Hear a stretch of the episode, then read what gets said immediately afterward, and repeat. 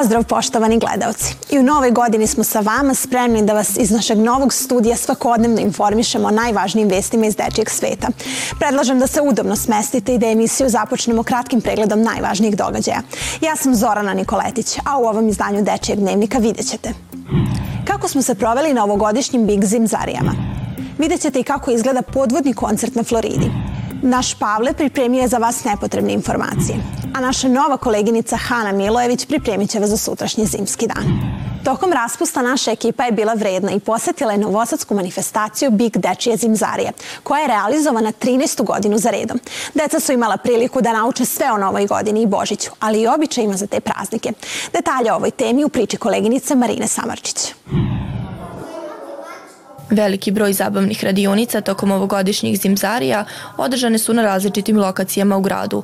Nekoliko njih bilo je u Muzeju Vojvodine gde su deca imala priliku da nauče više o tradicijama i običajima tokom praznika. Upoznali su tradicionalnu novogodišnju i božićnju trpezu, zatim pravili su novogodišnje kolačiće, izrađivali čarobne novogodišnje kape, e, čitali novogodišnje priče, izrađivali božićne čestitke i učili da korinđaju. Deca su nam ispričala koji su običaji za Badnji dan i Božić, a neki su nam i recitovali. Naučila sam e, kako, e, da je da se za Božić unosi badnjak i seno, da se to, to seno i badnjak širi po sobi i onda na badnje veče, tu se okupi cijela porodica, onda deca idu da korinđaju i onda šta sakupe za to korinđane, to se večera. Ja sam mali korinđaš, daj gazda što imaš vino ili rakije, Božić je kod kapije.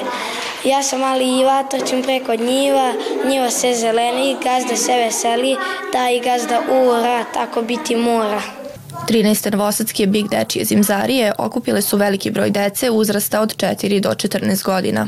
Deca su vrlo zainteresovana što i pokazuje činjenica da evo već 13 godina organizujemo ove zimzarije, a mi smo svakako tu i organizatori Novosadskog dečijeg leta, koje je prošle godine 23. bilo i takođe 13. po redu, što samim tim potvrđuje da je deci ovo neophodno, da im je važno, da vole da provode vreme sa nama, a mi se trudimo da idemo u korak s vremenom i sa njihovim potrebama i željama, pa tako i naše radionice iz godine u godinu menjamo i prilagođavamo jednostavno onome što je njima bitno da nauče u tom uzrastu. Noviteti koje su organizatori uveli jesu radionice kodiranja, ali ipak glavna tema Zimzarija iz godine u godinu jesu novogodišnji i božićni praznici.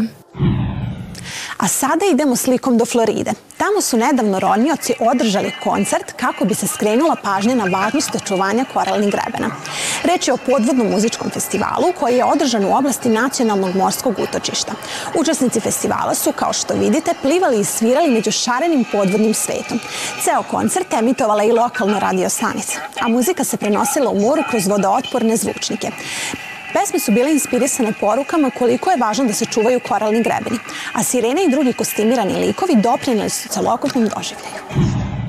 I ovog ponedeljka za vas smo pripremili svežu dozu nepotrebnih informacija. Naš dragi kolega Pavle Bogojević uvek nas iznenadi različitim činjenicama, koje do duše nisu nužne za naš život, ali umeju u nekim situacijama da nam budu veoma korisne. Predlažem da čujemo koje su to najnepotrebnije informacije ove nedelje.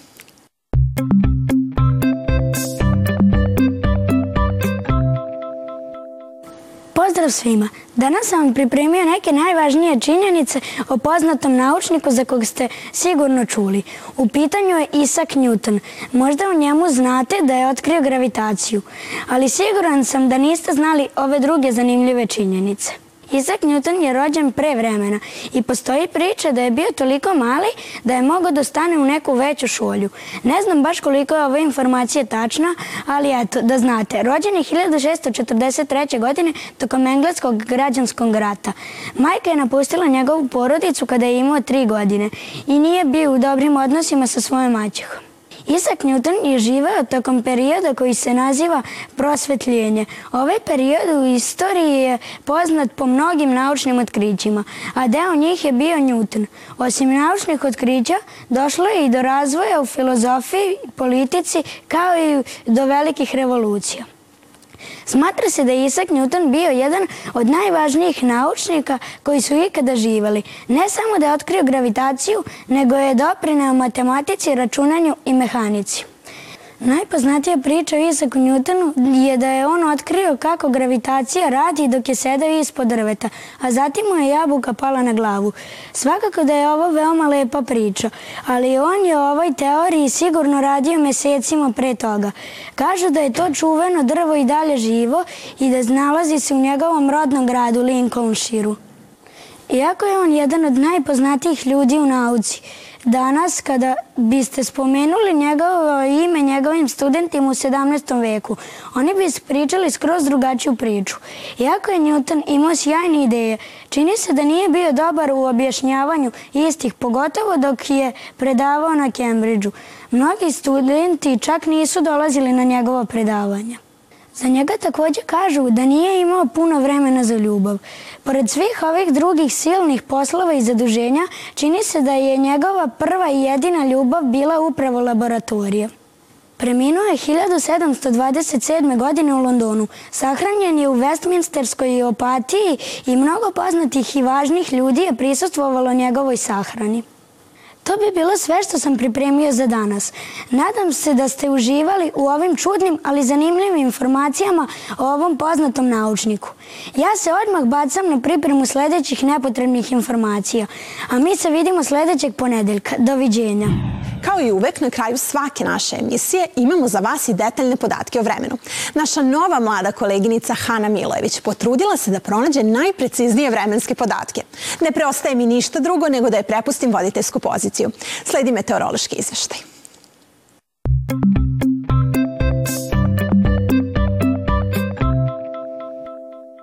Pozdrav drugari, znam da vas sve zanima kako će vreme biti sutra i mogu vam reći da za vas imam lepe vesti. Za sutra su najavili smenu sunca i oblaka. Temperatura će biti oko 8 stepeni, dakle ne dozvolite da vas sunce prevari. Ipak se dobro obucite. Vidimo se sutra sa novim meteorološkim informacijama.